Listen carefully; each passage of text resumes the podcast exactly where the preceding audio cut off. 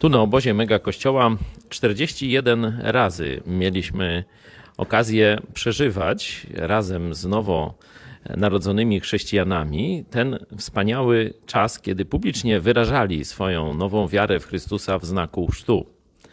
Chciałem Wam powiedzieć troszeczkę, szczególnie, że w naszej kulturze, ogólnie można powiedzieć w kulturze europejskiej, e, chrzest praktycznie przestał funkcjonować. Jeszcze w kulturze amerykańskiej on dość dobrze funkcjonuje. Nawet widziałem kiedyś taki obraz z wojny secesyjnej, gdzie rzeka, e, kilku żołnierzy i w wodzie chrzczą za, przez zanurzenie jednego z żołnierzy, który właśnie nawrócił się do Chrystusa. Tu w Europie raczej w większości tych starych kościołów pozostał już taki obrządek tylko polewania, a w rzeczywistości to jest, to jest ten symbol polega na zanurzeniu to zanurzenie daje nowonarodzonemu chrześcijanowi, chrześcijaninowi przeżycie.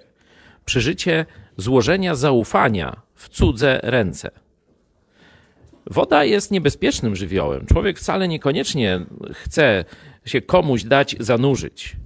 A teraz masz to zrobić dobrowolnie, powierzyć się w ręce tego drugiego człowieka i liczyć, że ci się krzywda nie stanie, że się wynurzysz. Są przecież ludzie, którzy kiedyś się topili, kiedy mają szczególny strach przed wodą, czy nawet uraz. Wtedy dla nich ta, to zjawisko zaufania w czasie chrztu jest jeszcze większe. Ale to jest potrzebne, bo oprócz tego głównego znaczenia, że to jest jak śmierć i zmartwychwstanie, umiera stary człowiek, rodzi się nowy. To jest właśnie symbol tego, co dzieje się, kiedy zaufasz Jezusowi Chrystusowi. Ale oprócz tego jest to symbol tego, że musisz komuś zaufać, żeby przejść na drugą stronę. Żeby przejść ze śmierci do życia, żeby być zbawiony. Musisz zaufać Jezusowi Chrystusowi, całkowicie powierzyć się w Jego ręce. I ten aspekt niesie w sobie biblijny wodny chrzest.